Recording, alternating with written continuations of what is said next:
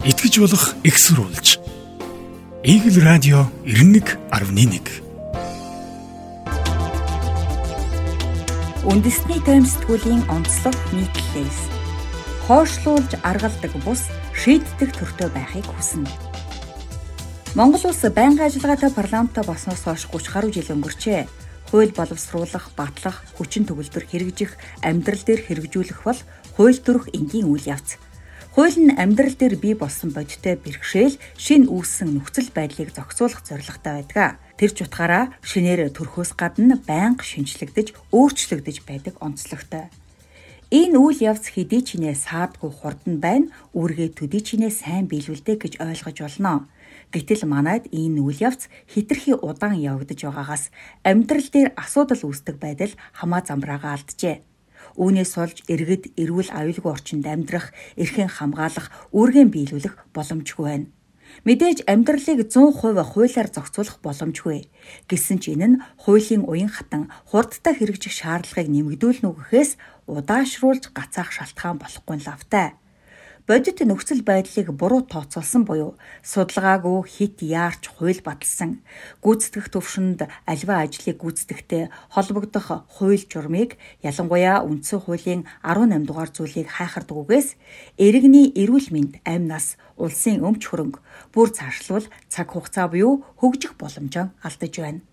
Улсын хурлаар баталсан ч хэрэгжих хугацаа нь нэг нэг жилээр хойшлуулдаг хуулиуд цаг үеэ мэдэрч баталсан хэрн хэрэгжүүлэх гэж хичээдгүй байдал их байгаа нь үнийг батлаж байна. Жишээ 1. Хадгаламжийн хүнээс татвар авах тухай хууль. Хадгаламжийн хүү маш өндөр буюу 15% та байх үед батлагдсан ч хэрэгжилт нь нэг нэг жилээр хойшилж олон жил явсан. Нийт хадгаламжийн 90%-ийг хадгаламж эзэмшигчдийн 8% нь эзэмшдэг гэсэн статистик гарсан ч жишимчгүй хойшлуулдаг байлаа. Улмаар саяхнаас л хэрэгжиж эхэлсэн. Өмнө нь хүү өндөр байхад иргэдийн амьдрал хэцүү байна гэд хойшлуулдаг байсан мөртлөө засгийн газар Монгол банкны зээлийн хүү буруулах стратеги хэрэгжиж хадгаламжийн хүү 10 орчим хувь болж бодитоор буурчаад авахад цуслах талаар ярихгүй байгаа.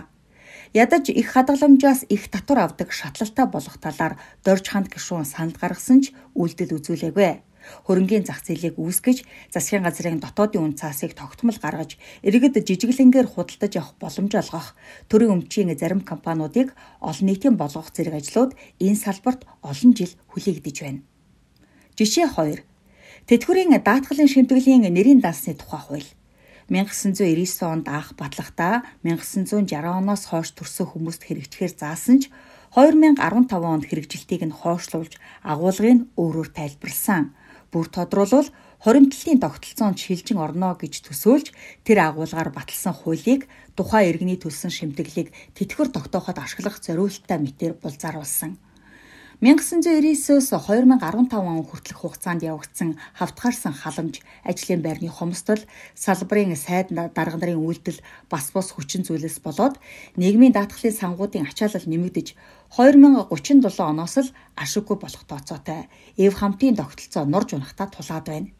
Цаашдаа энэ тогтолцоогоор явбал хөгшчүүд улам ядуурсаар байх нь гарцаагүй ч шийдлийн одоо болтол олоогүй хэвээр 2015 онд буруугаар мушгиж тайлбарлахдаа л хэрэгжүүлийг зүтгсэн бол өдийд нэрийн дансныхаа тодорхой хувийг мөнгөжүүлчихсэн ахмадууд шимтгэлээр өчнөө хоримтлал бий болгосон хэрнээ өндөр хүүтэй зээл авдаг тогтолцоо арилсан байх байлаа.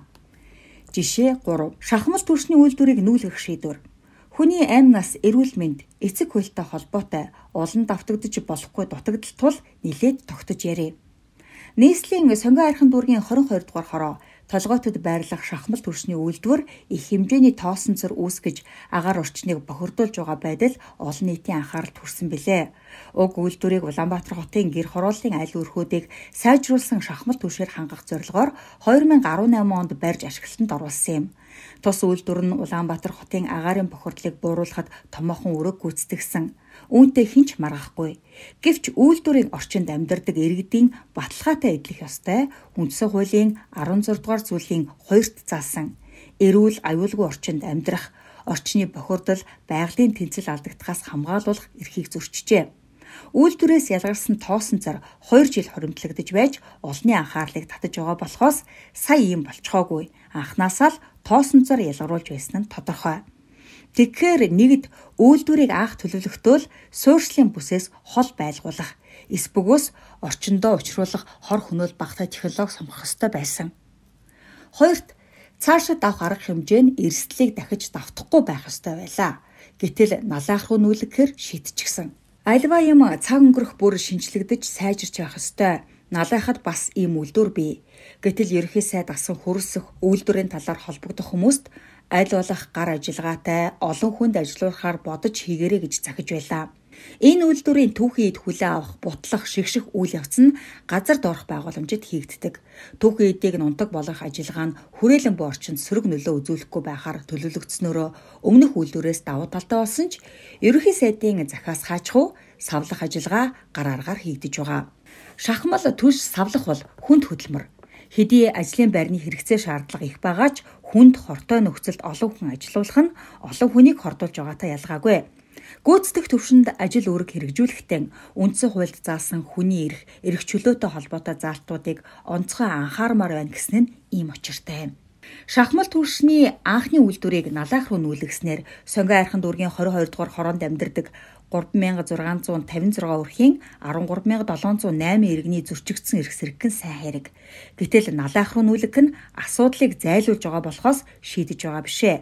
Нарийн да сонгой хайрхны иргэд хүн, налаахын иргэд хүн биш юм уу гэсэн асуудалж энд яригдах болцоход байна.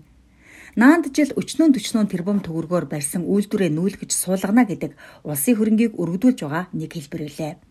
Энэ бол яах аргагүй анх үйлдвэрээ барьж байгуулахдаа үүнийг тооцоолж техник технологийн шийдлийг нь байгаль орчинд ээлтэй байхаар боловсруулаагүй алдаа.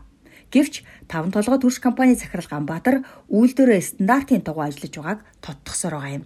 Тэрээр хэлэхдээ сайн түвшинд агуулгадах хүүхрийн агууламж тэг 108-аас тэг 196 мг буюу стандартад нийцэж байгаа. Монгол улсын хатуу түвшний стандартад зааснаар сайжруулсан шахмал түвшинд агуулгадах хөхрийн хэмжээ нэг бүхэл байх ёстой бол таван толгой түвш компани үйлдвэрлэдэг сайжруулсан сайн түвшинд агуулгадах хөхрийн агууламж тэг 108-аас тэг 196 мг буюу стандартад нийцэж байгаа. Үүнд төрийн хяналтын чиг бүхий байгууллагууд хяналт тавин ажилладаг гэсэн юм. Таван толгой түвш компани удирдлага ийм тайлбар хийж байгаа ч бодит байдал дээрээ үйлдвэрийн ойролцоо амьдардаг айлууд хүүхэд багчуудаа гадаа тоглуулах, угаасан хувцаа гадаа хатах боломжгүй болтлоо туртагт дарагдж байгаа учраас өнгөрсөн өвлөөс эрхээ хамгаалуулахаар дуу хоолойгоо өргөж эхэлсэн юм. Тиймээс тус үйлдвэрийг налдаах дүүрэг рүү нүлгэж асуудлыг шийдвэрлэхээр болоод байгаа. Монгол улсын шадар сайд Амар сайхан эрчим хүчний сайд 50 бэх ерхий сайдын зөвлөлт алтан гэрэл нар таван толгой түвш компанитай танилцах үерээ тус үйлдвэрийг налаахад шинээр ашиглалтанд орсон үйлдвэрлэлөө нүүлгэх бэлтгэл хангах үүрэг өгсөн.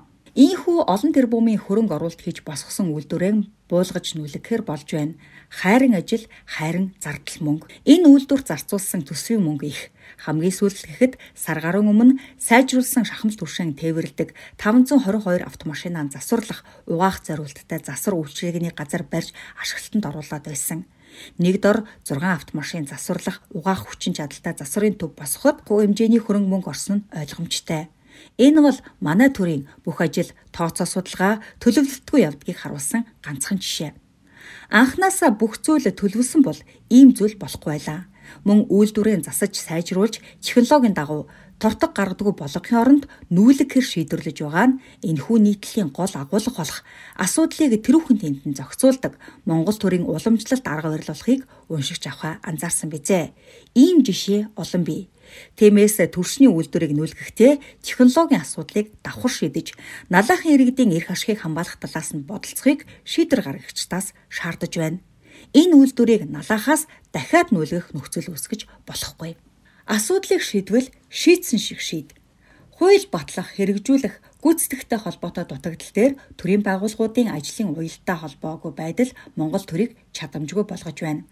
Зам засвар, шугам сүлжээ засварлаж солих ажлын төсөв хугацааны хувьд ялгаатай орж ирдэг гэдэг шалтгаанаар эхлээд замаа засаад дараа нь зассан замаа эвдэж шугам сүлжээгээ сольдог. Шийдвэр гаргаж байгаа дарга нарын шийдвэрийг нь хэрэгжүүлэхэд өөрийнх нь бус татвар төлөгчдийн мөнгө урсаж байдаг учраас тэд санаа зовдгүй.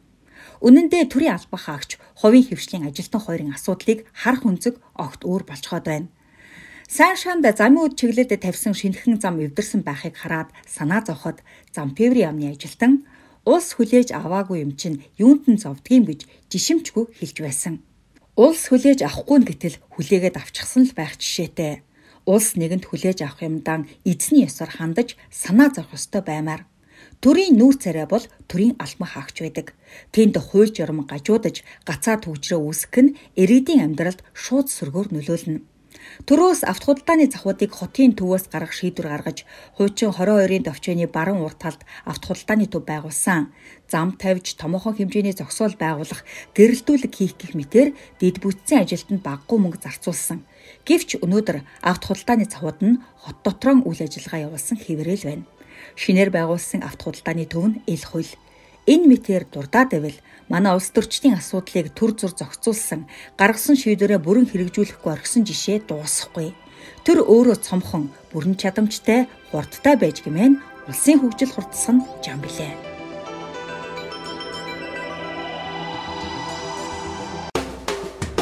Итгэж болох экссурулж.